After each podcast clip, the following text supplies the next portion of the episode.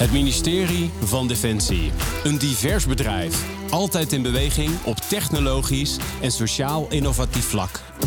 In de Samen Sterkere podcast maak je kennis met mensen waar eigenaarschap, drive en passie voorop staan. In deze podcast zoomen we in op structuur, cultuur, mens en samenwerking. Geniet jij van deze podcast? Like, deel en reageer, zodat wij weten wat jij van deze podcast vindt.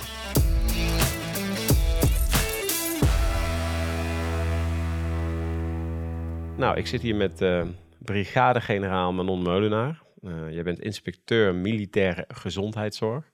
Daar wil ik dadelijk alles over weten, wat dat natuurlijk betekent. Dit is wel een aparte reeks binnen de Samen Sterker podcast. Die gaat over cultuur uh, en wel specifiek Just Culture.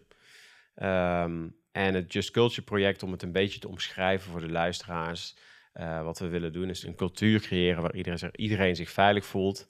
Waarin we fouten uh, mogen maken, waar we van kunnen leren. En het is belangrijk dat we elkaar vertrouwen, nieuwsgierig blijven. Vooral als dingen anders lopen dan verwacht, hoe gaan we daar dan mee om? En daarom gaan we samen kijken in deze reeks van zes uh, hoe we het beste kunnen leren veranderen. En direct vanuit ervaringen van mensen om ons heen. En Manon, jij hebt daar ook een, een verhaal over, waar we zo de diepte over in gaan samen. En we gaan dus specifiek praten over hoe we een cultuur kunnen creëren waarin iedereen zich veilig voelt om fouten te maken, uh, te leren, verschillende meningen te hebben, kritische vragen te stellen.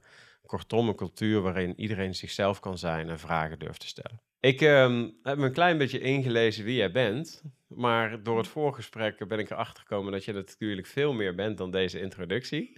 dus ik wil je vragen om, nadat ik deze introductie gedaan heb, om uh, wellicht nog een paar dingen aan te vullen. En dan gaan we, daarna gaan we de diepte in over uh, cultuur en jouw ervaringen daarover. Komt-ie. Manon Molenaar is niet zomaar een inspecteur. Als de eerste vrouwelijke, relatief jonge Kamar-inspecteur breekt ze door traditionele grenzen heen en zet ze een nieuwe standaard in de militaire gezondheidszorg. Ze staat sterk in haar schoenen en is gepassioneerd over het creëren van een open cultuur waarin leren centraal staat. Manon gaat uit van het principe dat leren van fouten mensen moet stimuleren om ze niet te verbergen.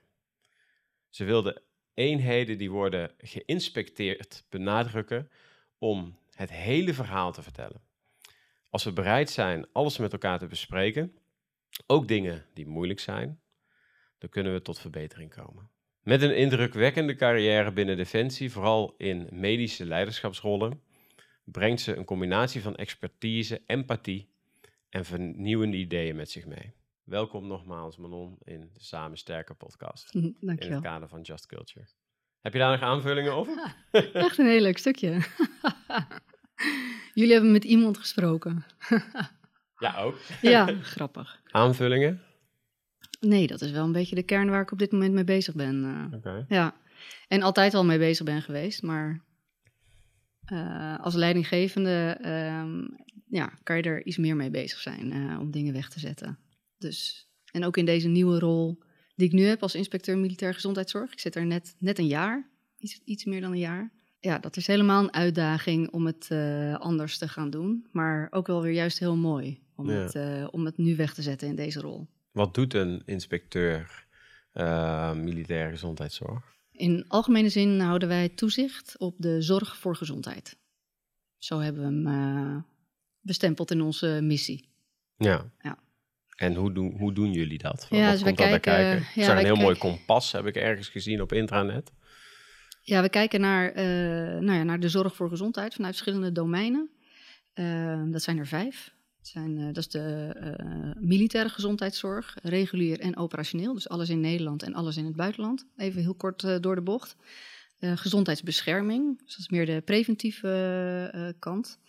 Ehm, voedselveiligheid en nucleaire veiligheid stralingsbescherming. Dus in al die domeinen kijken we naar gezondheid en of dat, nou ja, of dat bewaakt, bevorderd wordt, eh, Ja. behouden wordt, zoals we dat ook wel zeggen. Ja. Ja.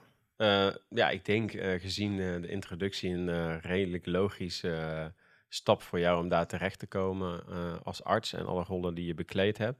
die ik natuurlijk gewoon van LinkedIn heb eh, Ja. gehaald. Nou, en ik Ehm, wil dat in eerste instantie niet. Nee? nee. Oh, dat is wel is grappig, hè? Oké, Ja. maar vertel daar eens over. Wat maakt dat je dat dan niet wilde? Ja, omdat ik er dus een bepaald beeld van had hoe het ging. En inclusief mijn eigen ervaringen met? De, ins- de inspectie militaire gezondheidszorg. Ja, dus hoe dat eh, nou ja, al 30 jaar ingevuld wordt. Eh, ze bestaan, hè, we bestaan tussen eh, in, in juni 1989 zijn we ingesteld. Dus we, staan, we bestaan volgend jaar 35 jaar. En ehm, Ga jij die fles champagne nog opentrekken? ja, we gaan er wel wat aan doen, hebben we besloten. Kijk. Ja, ik vind het ook wel een, een feestje waard. Ja, dus ik wilde het in eerste instantie niet. Eh, omdat ik dacht van ja, weet je, dat, dat handhaven, want daar leek het heel erg op. Ja. We gaan eh, handhaven op wet en regelgeving. En, Vingertje eh, wijzen. Ja, vingertje wijzen, achteraf kijken of iets wel of niet goed gaat. Nou, dus ik zeg, nou, dat, dat is helemaal niks voor mij. Nee. Ik ben nou, in dat opzicht een beetje wars van regels en richtlijnen. En ik weet dat ze nodig zijn, maar ik kijk liever naar de bedoeling dan naar datgene wat er op papier staat. Ehm, en toen een, eh, eh, een vriendin van mij, die ik ken van de Hogere Defensievorming, die hebben we samen gedaan in 2012-13.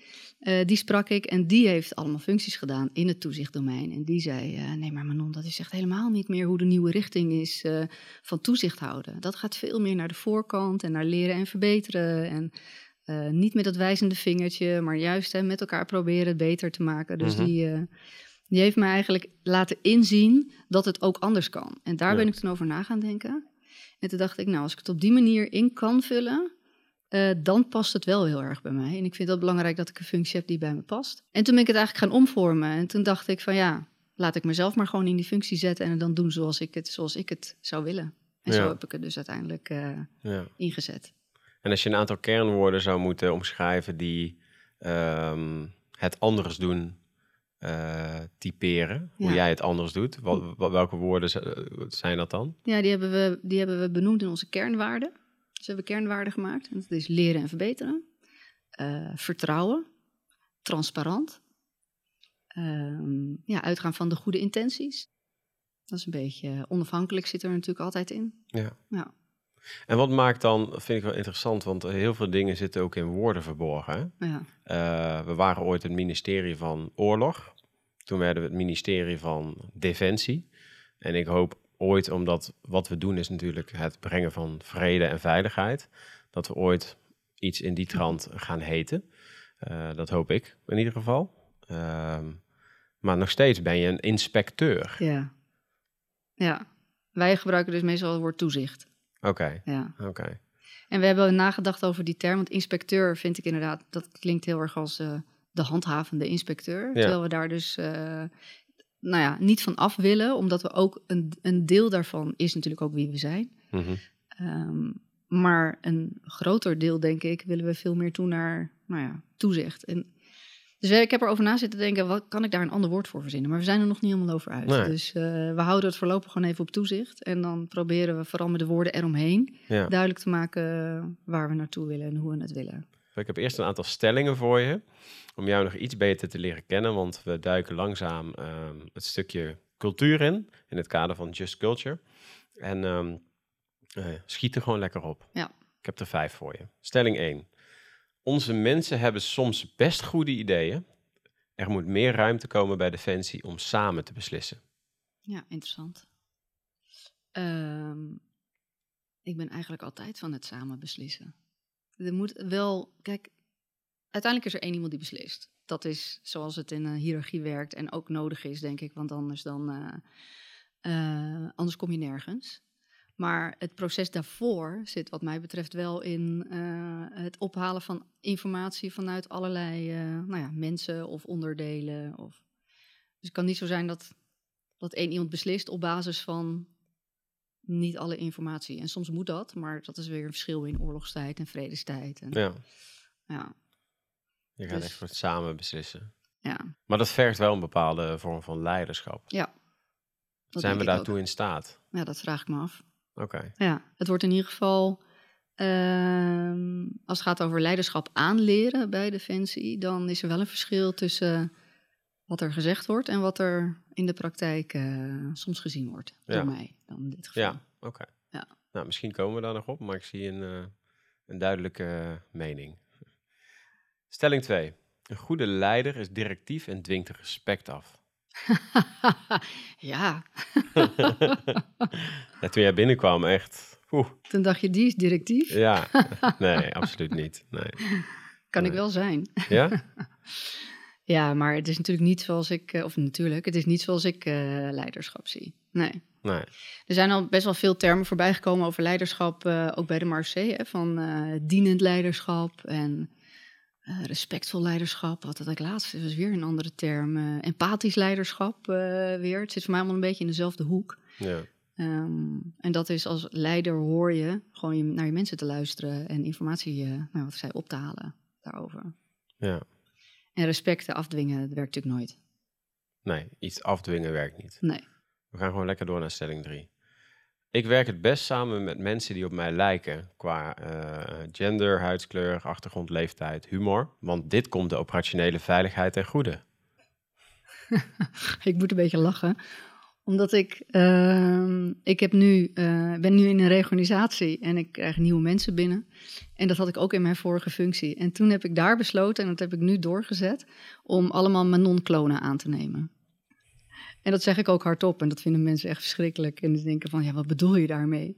En in het begin dacht ik, ja, weet je, ik, ik wil graag ergens komen. En als ik dan mensen heb waar ik energie op verlies, of mensen die, eh, eh, waarvan ik denk, ja, weet je, eindeloze discussies eh, waar je er niet uitkomt. Ik heb, ik heb het gezien, ik ben er geweest en ik wilde het gewoon niet meer. Dus ik denk, ik ga gewoon, mijn ik ga in tegenstelling tot de hele organisatie, ga ik gewoon mijn non-klonen aannemen. En dat heb ik in mijn vorige functie gedaan, dat is me supergoed bevallen. En dat heb ik in deze functie dus gewoon weer gedaan. Dus ik heb allemaal mijn non-klonen aangenomen. Ehm, en ik moet dat natuurlijk even uitleggen waar dat dan over gaat. Want het is niet dat ze dus allemaal op me lijken. En Nee. tot die conclusie kwam ik dus de vorige keer in mijn eh, functie. Dus ik had allemaal mensen binnengehaald. En ik keek eens om me heen en ik denk...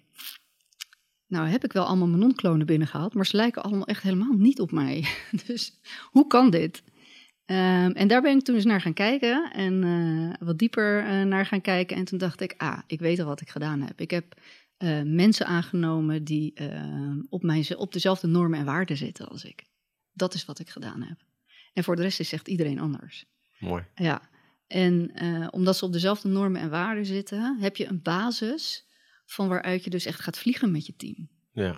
Dus die normen en waarden zitten op werkethos, maar ook hoe ga je met elkaar om? Eh, hoe kijk je naar jezelf? Ja. Hoe kijk je naar een team? Mhm. Eh, nou, allemaal dat soort dingen zitten daar eh, onder. Eh, we hebben schurende kernwaarden gemaakt. Ah, Ja, zodat er altijd in gesprek moeten over die kernwaarden. Ja. We zijn in verbinding, dat is een hele belangrijke. We zijn in Ja. verbinding, maar we blijven onafhankelijk.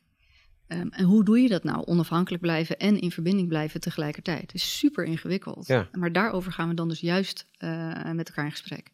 En de tweede is, we gaan uit van leren en verbeteren en Ja. handhaven waar nodig is. Dus dat is er ook zo eentje die schuurt eh, met elkaar. Ja. Eh, de derde is, we gaan uit van vertrouwen in de wetenschap dat vertrouwen een wederzijds proces is. Dus wij moeten heel hard werken aan vertrouwen. Eh, maar we kijken ook naar nou ja, het vertrouwen wat mensen ons geven en hoe we daarin in staan. ja. En de laatste is, we zijn transparant, maar zorgvuldig met het delen van informatie. Dus ik vind dat je gewoon, ik vind dat je verantwoording af moet leggen als toezichthouder. En dat is, vindt niet iedere toezichthouder.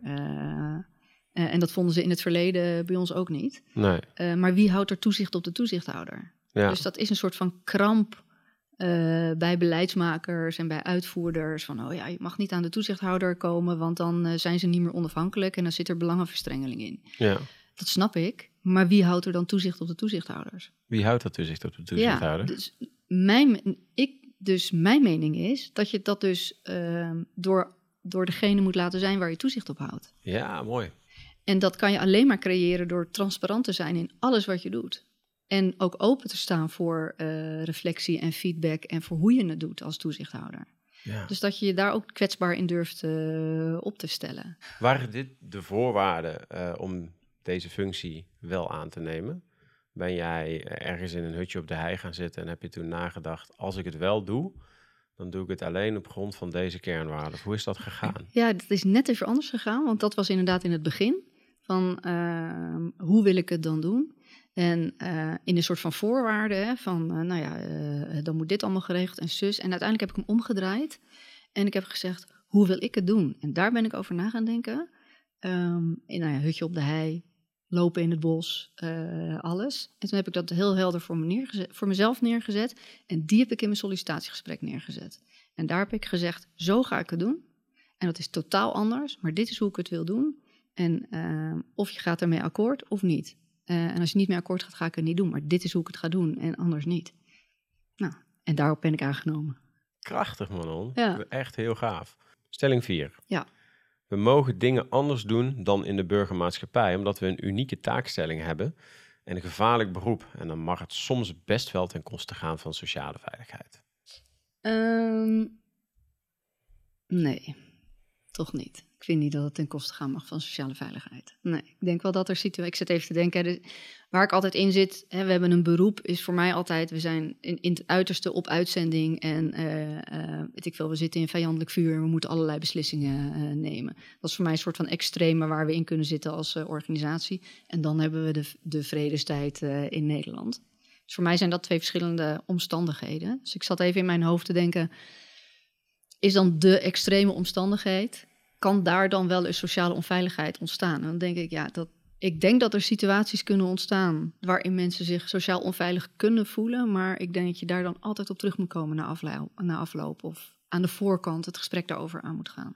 Ja. Dus dat heb je over dat directieve leiderschap. Ja, dus dat is soms gewoon nodig. En dan heb je geen tijd voor aardige woorden en uh, dan kan je misschien dus dingen zeggen die niet, uh, nou ja, niet Ja. sociaal veilig zijn. Alleen als het op dat moment nodig is om uh, je leven te redden. Ja. Dan, uh, maar vind ik wel dat je daar dus aan de voorkant met elkaar over in gesprek moet. Of aan de achterkant als er iets gebeurd is. ja. De laatste. Sociale veiligheid betekent toch gewoon dat je iedereen een fijne werkomgeving gunt. Hoe kun je daar nou tegen zijn? Hmm. Voor mij gaat sociale veiligheid wel een laagje dieper dan een fijne werkomgeving. Voor mij is sociale veiligheid dat, uh, uh, dat iedereen er mag zijn. En dat klinkt heel beetje banaal en zo, maar voor mij gaat die wel echt nou ja, naar de diepste laag. Want het gaat over dat de ander er mag zijn, maar ook dat je er zelf mag zijn. En dat is waar die voor mij heel erg begint. Komt dat ergens vandaan? Want ik zie dat het uh, bijna uit je tenen komt. Ja. ja, ik ben ook echt van overtuigd dat hij daar begint. Ja. Nou ja, ik ben zelf uh, altijd bezig met, nou, we hebben het hier voor, in het voorgesprek hadden we het ook even over, hè, wie ben je? Uh, en dan op echt soort van diepste niveau. Uh, en ik heb daar gemerkt dat eh, mensen leven met zoveel angsten en onzekerheden. En met uh, aannames die ze mee hebben gekregen van vroeger of van hun ouders of van ervaringen. Ehm, waardoor ze in het, nou ja, in, nu in het leven op een bepaalde manier in het leven staan.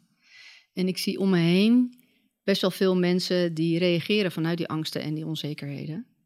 Um, en dan gedrag vertonen die sociaal onveilig is.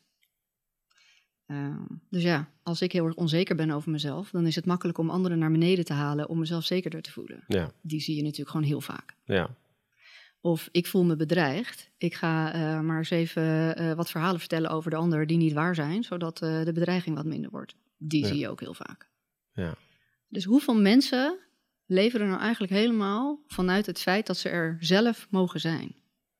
Ja, en vanuit het feit, ehm, weet ik zelf nog wel wie ik ben. Ja. Ja. En ik ben ervan overtuigd dat als je er zelf helemaal mag zijn, dus als je jezelf helemaal nou ja, fijn vindt zoals je bent, en dat je ook gewoon ehm, alle vragen mag stellen en eh, ehm, fouten mag maken eh, voor jezelf, Mhm. dan mag de ander dat ook. ja. In hoeverre denk jij dat we in staat zijn om een volledig sociale, veilige cultuur te creëren binnen, laten we het nu even houden bij Defensie? Ik vond het zelf een mooie vraag. Ik denk het namelijk niet. Ik denk dat we geen. eh, ik denk dat er altijd mensen zullen zijn die gebaat zijn bij een sociaal onveilige cultuur. En die dat daardoor dus ook in stand houden. En we kunnen hem hopelijk minimaliseren. Eh, maar daar zijn voor mij dus twee dingen voor nodig. De eerste is eh, begin bij jezelf. Dat is voor mij echt de, de kern. Eh, omdat als jij het niet nodig vindt om andere mensen naar beneden te halen of in een kwaad daglicht te stellen, of, dan hebben we al heel veel gewonnen. Ehm, en de andere partij is voor mij de leidinggevende. Dus die, die, als die dat gedrag ziet, dat ook gewoon meteen de kop in boord. Ja. Hoe werk jij daar hard aan? Ja, door, ehm, door het heel alert te zijn eh, op dit soort dingen. En dan dus, als je het dan ziet, gewoon daar meteen over in gesprek eh, te gaan. Door eh, heel stevig neer te zetten hoe ik het wil binnen een team. En dan zit ik in een fase, en die vind ik zelf nog wel interessant. Dus nu neem ik er allerlei nieuwe mensen aan waarvan ik weet dat ze in diezelfde categorie zitten. Dus dat maakt het makkelijker. Ja. Maar het, het- ergens zit er nog wel eens tegen dat je nou in een team komt waar het dus niet is of ja, hoe doe je het dan? Ja, ik vind die toch best wel ingewikkeld. Ja. Eh, en want dan krijg je onderstromen waar je geen vat op hebt. En zeker als mensen, nou ja, er stevig in staan. Hoe pak je nou zo'n onderstroom aan? Als mensen eigenlijk niet bereid zijn om, eh, eh, om bij te dragen aan een sociaal veilige omgeving. Of het gewoon echt niet inzien dat ze gedrag vertonen wat niet sociaal onveilig is. Dit is een heel belangrijk onderwerp. Ik heb ook wel eens mensen meegemaakt die op het laatst toch afhaakten om in de podcast te komen. Omdat ze bang waren dat ze gingen praten over een onderstroom. En dat dat dan uiteindelijk terug zou kunnen eh, leiden naar bepaalde eh, figuren. Ja, En dat ze daarom afgehaakt waren, omdat ze letterlijk zeiden: maar er zijn type mensen in de organisatie eh, en daar kunnen ze niets aan doen. Dat werd ook gezegd.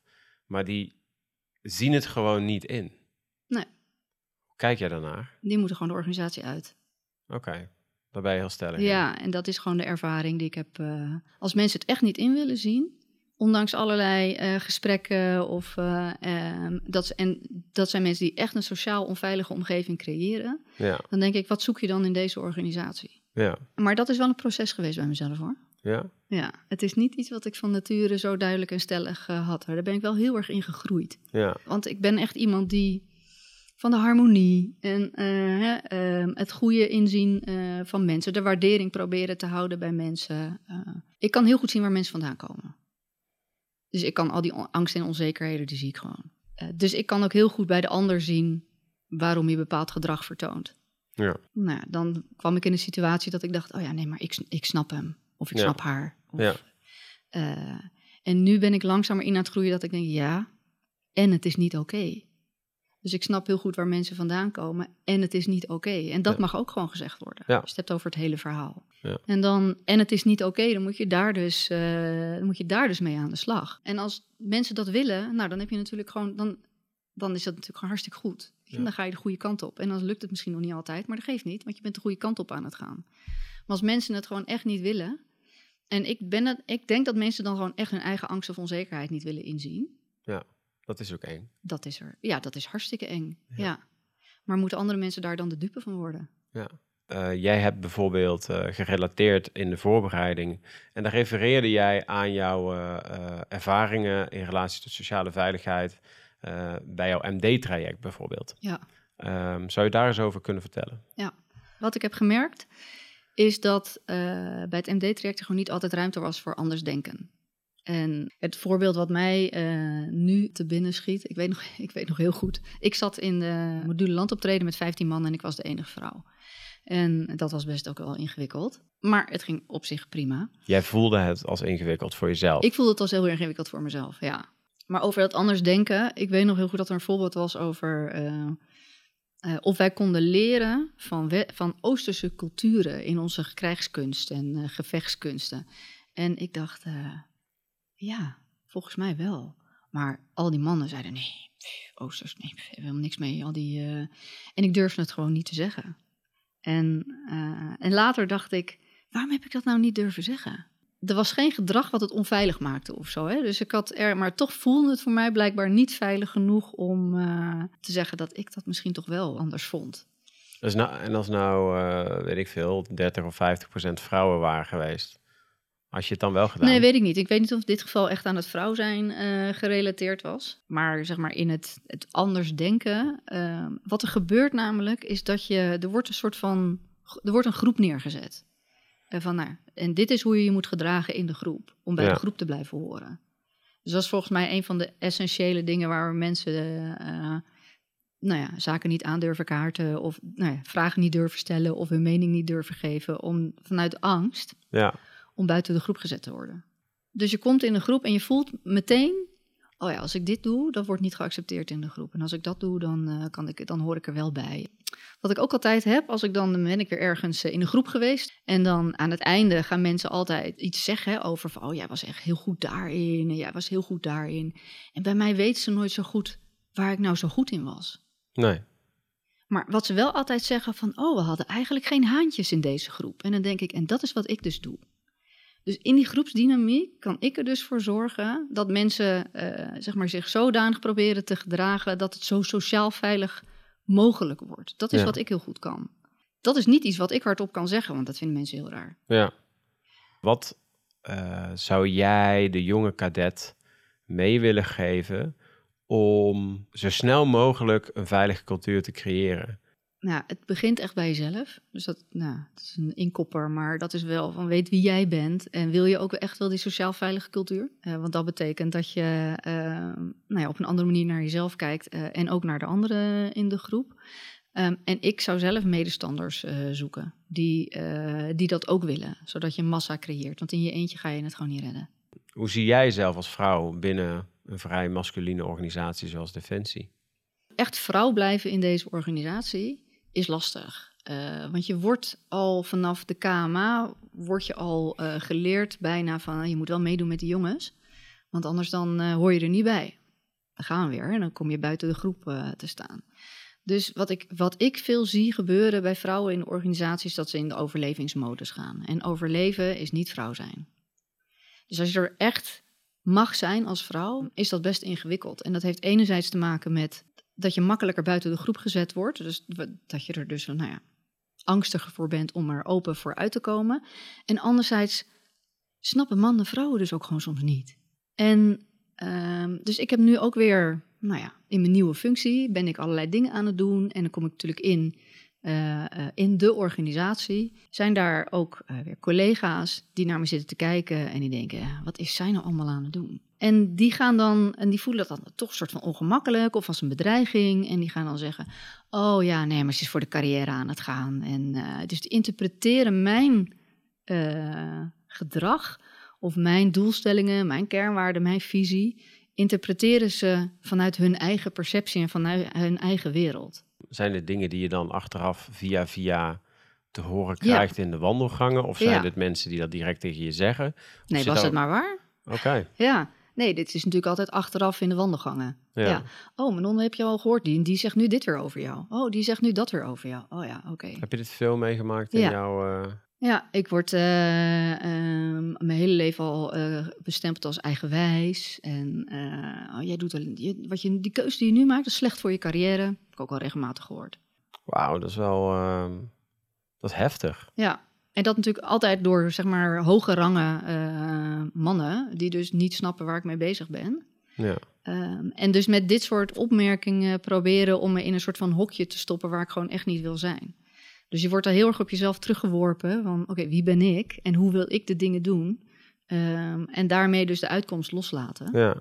Dus ik vind het niet erg dat ze het niet snappen. Maar wat ik wel erg dat ze niet de moeite nemen om het te snappen en er dan een oordeel over hebben en dat dan de organisatie in uh, gooien.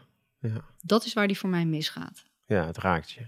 Nou, ik vind het, uh, ik vind het vooral niet goed voor zeg maar die hele sociale veiligheid als we daarover hebben. Dus uh, kijk, ik kan er intussen prima mee omgaan. Ik ben het gewend. Dus ik, uh, ik hoor het mijn hele carrière al. Uh, en ik heb heel erg geleerd dat je, als je maar gewoon bij jezelf blijft en je eigen ding blijft doen. Um, en je niks probeert aan te trekken van, uh, uh, van wat er gezegd wordt over jou. Ja. Dat je er dus ook gewoon wel komt. dat zie je natuurlijk vaker bij mensen. En, en, ik ben benieuwd hoe je dat dan gedaan hebt. Hè? Want je zegt, ik ben het inmiddels gewend. Ja. Maar is dat zo? Want het is, of ben je daar echt door toch wel een aantal dalen moeten gaan...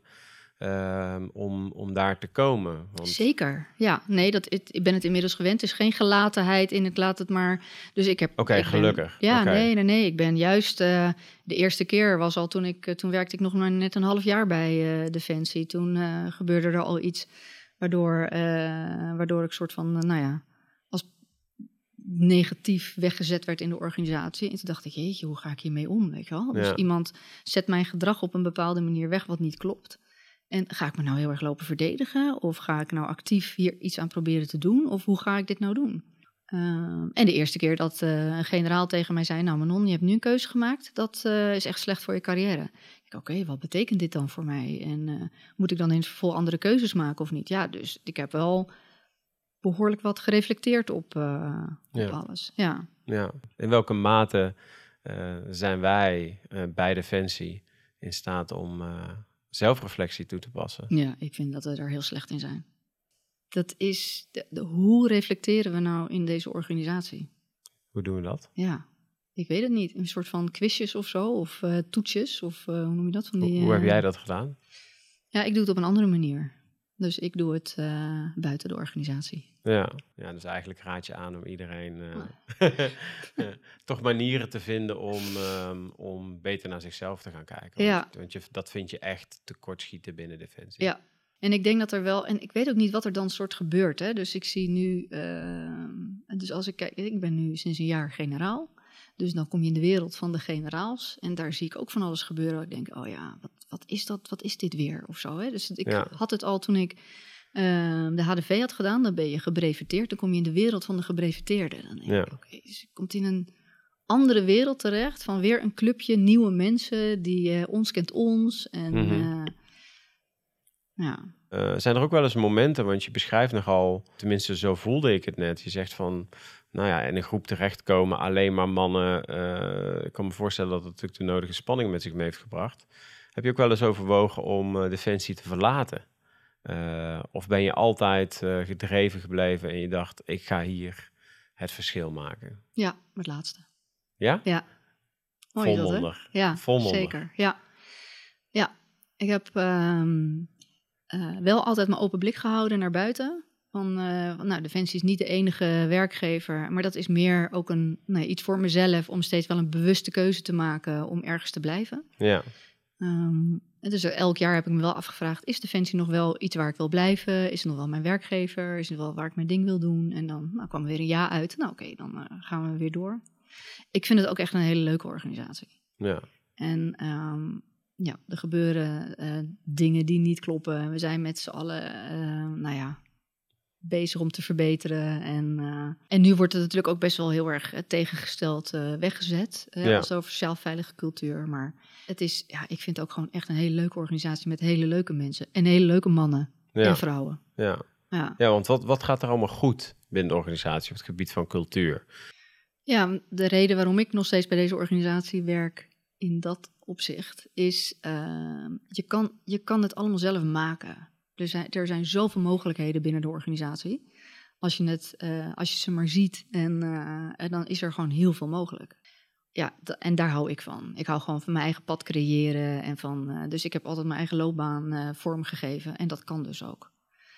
als je het maar wil. Ja. Ja. Um, en als je het maar helemaal vanuit jezelf doet, dan ben ik ook wel van overtuigd dat het ook gewoon dat je ook echt die kant op kan gaan. Dus ik zie echt nog te veel mensen die het maar over zich heen laten komen, zeggen ja, wat de organisatie wil, nou oké. Maar je kunt het ook echt, dat kan, maar je kan het ook echt zelf vormgeven.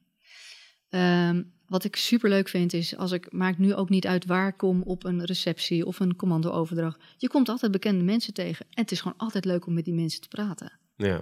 Heus niet met iedereen hoor, het is echt geen halleluja uh, verhaal, maar uh, het is gewoon toch een grote familie. Ja. Waar je onderdeel van maakt, uitmaakt. En dat is ook leuk. Dus als ik op Schiphol loop en ik loop uh, in uh, uniform en ik zie iemand anders in uniform, dan ga je gewoon even naar elkaar toe. Ja, omdat je, je herkent elkaar als je ergens uh, bent en je hebt meteen een klik, omdat je allebei militair bent of bij Defensie werkt. Of, ja. Dat maakt het ook gewoon leuk. Merk je nu een verschil nu je generaal bent? In hoe mensen naar je kijken en ja. tegen je praten? Ja. Ja? Ja. Ik uh, heb daar in het begin echt wel dat ik dacht van... oké, hoe moet ik me nu gedragen? Uh, en ik merk dat ik daar nog in een soort van yo-yo uh, zit. Dus er wordt wat van je verwacht. Er wordt ook verwacht dat je jezelf blijft. Dus ik dacht op een gegeven moment van... oké, ik ga gewoon lekker mezelf blijven. Maar daar kom je er dan toch niet helemaal mee. Omdat je toch ook... Ja, er wordt ook wel vanuit je functie en vanuit je rol worden bepaalde dingen uh, verwacht. Dus dan, hoe, hoe maak je dan de verwachting waar zonder jezelf daarbij te verliezen? Ja. En ik heb besloten, en dat was heel grappig, uh, het is ook wel ehm, er zit ook echt een hele grote valkuil in. Dus ik was laatst uh, op een kazernlocatie in Burger. En ik stond in de rij voor de koffieautomaat. En ehm, er gebeurde iets. En toen dacht ik, oké, als ik nu mijn uniform aan had gehad... en jij had geweten dat ik generaal was... had je echt heel anders gereageerd. En ik voelde daar een soort van... Ehm, bijna een soort van verongelijkheid. en toen dacht ik, oh, dit is heel erg dit is heel erg dat ik nu een verongelijkheid voel.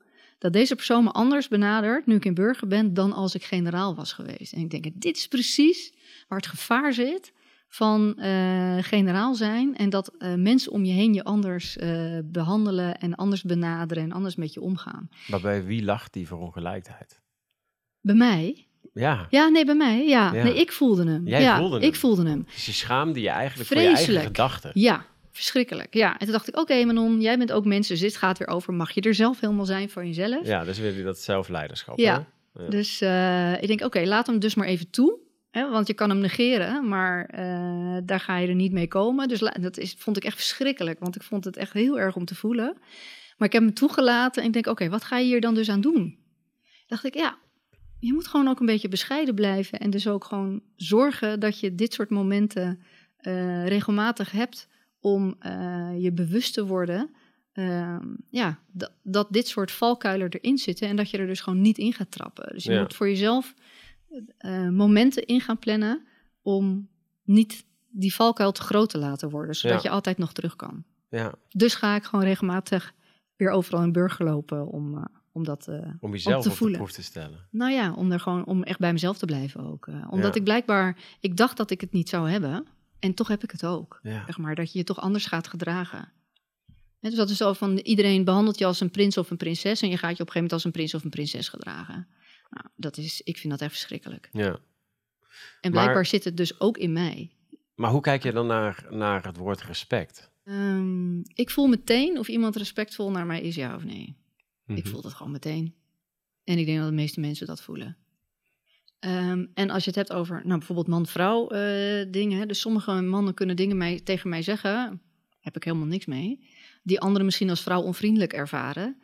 En ik helemaal niet, omdat ik de ondertoon heel goed voel. En natuurlijk moet je het niet in een bepaalde setting zeggen en wat dan Mhm, ook. Hè, maar het mhm. gaat over van, heeft deze persoon respect voor mij, ja of nee? Ja, Ehm, ja. En nou ja, dus wat het ingewikkeld maakte. Dus wij hadden zeg maar in een van mijn klassen, laat ik hem even eh, algemeen houden. Zat één iemand die had gewoon geen respect voor vrouwen. Ik voelde het aan alles. Maar hij deed eh, gewoon heel normaal. En dus niemand kon feitelijk iets vinden van zijn respect naar vrouwen. Maar ik voelde aan alles dat hij geen respect had voor vrouwen. Nou, dat kan je dus gewoon niet aanhangig maken, want je hebt geen bewijs of je hebt geen. eh, waar ga je iemand dan op aanspreken? Of, eh, dus je moet dan een soort van. Hij was zo slim dat hij daar gewoon niks over zei, maar je voelde het gewoon. Nou, ja, en mijn vraag was dus geweest van hoe moeten we daarmee omgaan? ja. Eh, maar je zegt lastig. Je hebt daar het antwoord dus niet op. Nee, het enige wat ik zou kunnen verzinnen is dat je dus eh, ehm, dat je in gesprek gaat met zo'n zo'n iemand of zo. Weet je? Ja. Want zo iemand weet het ook. Dus dat je daar dan iets doet. Ja. Nou ja. Nou, ik, ik heb deze gesprekken vaker met mensen, ehm, omdat je natuurlijk een cultuur hebt die ook ehm geschiedeniswise eh, best ver teruggaat en waar ook heel veel ingesleten patronen eh, zitten. Maar toch, ja, weet je, ik hoop toch ergens op een, een soort handleiding of zo van Manon nu. Met jouw ervaring. eh, maar hoe dan wel? Je hebt al een aantal suggesties gegeven. Wat gun jij de organisatie en als alles mogelijk zou zijn? En jij zou bij wijze van spreken eh, een jaar eh, CDS zou zijn. Wat zou je dan doen? Ik denk dat ik ehm, eh, zeer persoonlijke gesprekken met mijn leidinggevende aan zou gaan. Want ik denk dat daar een, eh, een hele belangrijk startpunt eh, zit. Dus ja, het begint bij jezelf, hè, dus zelfinzicht, maar dat werkt dus niet voor iedereen. Eh, en dan komt die leidinggevende in beeld. En ik, ik ben er echt steeds van overtuigd dat daar een hele belangrijke factor zit. Wie, wie is dan de leidinggevende? Ja, dat kan dus, dat kan dus iedereen van een team of een eenheid zijn. Dus Ja. ik, weet je, ik zie het nu ook weer gebeuren bij Echte een, eh, decision makers, zeg maar. Nee, de mensen die eh, verantwoordelijk... Nou ja, weet ik niet of je dat zo wil zeggen. De mensen die verantwoordelijk zijn voor een team. Ik zie het nu ook bij een collega, die zit in een team, super onveilig daar. Eh, en de leidinggevenden doen er helemaal niks aan. Nee. Denk ik. En het verandert niet omdat die leidinggevenden niks veranderen aan onderstromen of aan gedrag of aan de veiligheid. Eh, waarschijnlijk omdat ze zelf eh, in eh, angsten en onzekerheden zitten of het niet kunnen. Of, dan denk ik van, maar daar ligt wel een belangrijk punt. En dan gaat het verder dan weer een seminar over hoe we dat met z'n allen doen met leiderschap. Of weer een van de zelfreflectie-instrument om te kijken of je al een goede leidinggevende bent. Ja. Maar gewoon echt dat gesprek aangaan met, en dan gewoon echt de diepte in van, oké, wie ben jij nou als leidinggevende en persoon? En hoe doe jij het dan? Welke vragen moeten er dan gesteld worden? Ja, ken jij jezelf? Is denk ik een hele belangrijke. Ja. En dan mensen niet weg laten komen met een of ander oppervlakkig eh, antwoord. Ja, Eh, maar echt toe naar hè, waar zitten jouw schuurpunten eh, op het zijn van leidinggevende. Want die heeft iedereen. Elke leidinggevende heeft, ze- heeft een, nou ja, als we het hebben over de angst en onzekerheid, iedere, iedere leidinggevende heeft dat. ja. Maar durf daar dan naar te kijken en daar met elkaar over in gesprek te gaan. Want dat reflecteert dus op jouw groep. ja. Dat voelen zij. En dat, nou ja, ook. Ervaren zij, hebben Ja. zij eventueel last van. Nou ja, en dan kan je weer met mooie woorden en eh, presentaties kan je vertellen hoe je het eh, wil doen. Want ik hou ook presentaties over mijn commanders intent en hoe ik het wil. Ja, Maar daarna begint het pas. Namelijk daadwerkelijk erop inspelen of mensen bij je roepen of eh, iets aan willen pakken. Of, en dan komt dus je persoon naar boven, want dan vind je ook dingen spannend en eng. En denk je, ja, nou ja, als ik, en als ik geen leidinggevende had gehad die achter mij stond, ja, ik ben dan onafhankelijk, maar ik heb natuurlijk een PeopleSoft manager die gewoon vierkant achter mij staat. ja, Scheelt ook echt heel erg. ja. Maar ja. Dus daar, als ik CDS was, zou ik daar eh, op insteken. En er zijn niet veel mensen die dat gesprek kunnen voeren. Nee, En dat is dus ook het probleem. Want het blijft een beetje hangen in dat oppervlakkige... oh, we gaan er weer eens met z'n allen vertellen hoe sociaal veilig we het moeten maken. ja. Nou, en dan wordt het weer iets... Nou ja, niet van mij of iets zweverigs of... eh, nou Ja. Hoe ga jij als CDS ervoor zorgen dat we meer van deze mensen in een organisatie krijgen? Die op deze manier het gesprek aangaan? Ja, dat is ook een interessante. En dat, dan kom je weer, weer op dat ND-traject eh, uit. Daar moet je ook echt anders kijken naar mensen. Dus ik zie meteen wat voor mensen in de selectiecommissie zitten voor, eh, voor de HDV bijvoorbeeld. Ik had er eentje die hield van diversiteit. Nou, dat was te zien in mijn klas. Maar, nou ja. Die, dus je ziet gewoon reflecties van mensen die mensen aannemen. Ja, ja, Dus op, de, cru- op dat soort cruciale eh, posities zou je dus een andersdenkende eh moeten willen hebben die op deze manier kijkt. eh, mooi. of op een andere manier, maar dan wel in de sociaal veilige cultuurbevordering. Ja. Hoe zou jij dit gesprek samenvatten om hem af te ronden, Manon? Nou, jij dank voor het gesprek eh, en het vertrouwen en ehm, ja, de openheid. Want dat is natuurlijk ook altijd een wederzijds gebeuren. Ja. Ehm, ja, er is nog echt nog heel veel ook niet gesproken. Hè? Dus dat, er is gewoon, het is zo'n groot onderwerp met Ja. zoveel. eh, Misschien nog iets wat je mee wil geven aan die, mensen. eh, Maakt niet uit. Ehm, Nee, ik denk echt, voor mij zijn er echt, eh, nee, ik denk nooit dat we een geheel sociaal veilige cultuur kunnen eh, maken, maar we kunnen er wel aan werken om het sociaal veilig mogelijk eh, te maken. En als ik daar niet in zou geloven, dan zou ik er ook niet mijn volledige inzet op hebben, ehm, al 25 jaar in deze organisatie. ja. Dus ik heb er ook wel vertrouwen in dat we, dat we daar ook massa in kunnen creëren. Ook al halen we hem niet 100%, maar we kunnen wel genoeg massa creëren om het voor nou ja, zo sociaal veilig mogelijk eh, te maken. En ik ben echt overtuigd dat dat die twee aangreeppunten zijn. Dus de eerste is begin bij jezelf. In je eentje red je het echt niet. Maar het is er wel voor nodig dat je jezelf snapt eh, hoe jij in de wedstrijd staat. Ben jij echt iemand die die, sociale geveilig, die sociaal veilige cultuur nastreeft? Of ben je iemand die er baat bij heeft, toch, hè, om het niet te doen? ehm. en, ehm, en als je dus iemand bent die het echt wilt, zoek daar dan medestanders in. En probeer daar dan die massa in te creëren. Eh, en andere aangrijppunt is de leidinggevende. Want als die er niet voor staat, dan kan je in een groep massa creëren, maar dan werkt het dus ook niet. Dus ik denk echt dat het van twee kanten af ehm, moet groeien. Eh, en dat je het dan voor elkaar kan krijgen. Dus mensen die het echt willen en die met elkaar proberen dat voor elkaar te krijgen, die echt Met elkaar zeggen, nou, we, gaan, we doen het niet zo, maar we gaan het echt zo doen met elkaar. En dan een leidinggevende die het gedrag wat daar niet mee in samenhang is, hè, of die juist de andere kant op gaat, dat moet gewoon afgestraft worden. Uh, en als je dat uh, met elkaar kan verbinden, dan uh, denk ik dat we een heel eind op weg zijn. Ja, ja. En het zou een afronding moeten zijn. en toch zijn er dan twee dingen die, um, die nog te binnen schieten. Eén is, waarom zou je geen sociaal veilige cultuur willen creëren?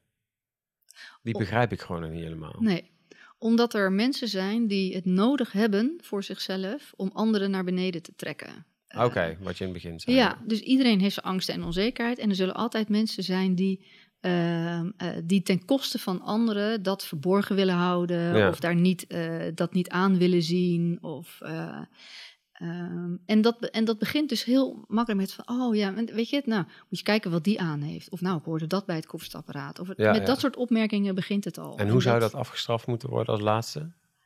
Um, Want dat, daar, dat is dus de leidinggevende die daar, die moet dat gewoon genadeloos afstraffen. Ja, die, die moet, moet dat, gewoon zien. niet accepteren. Ja, ja. kijk, ja. goed zo. Ja. ja, prachtig.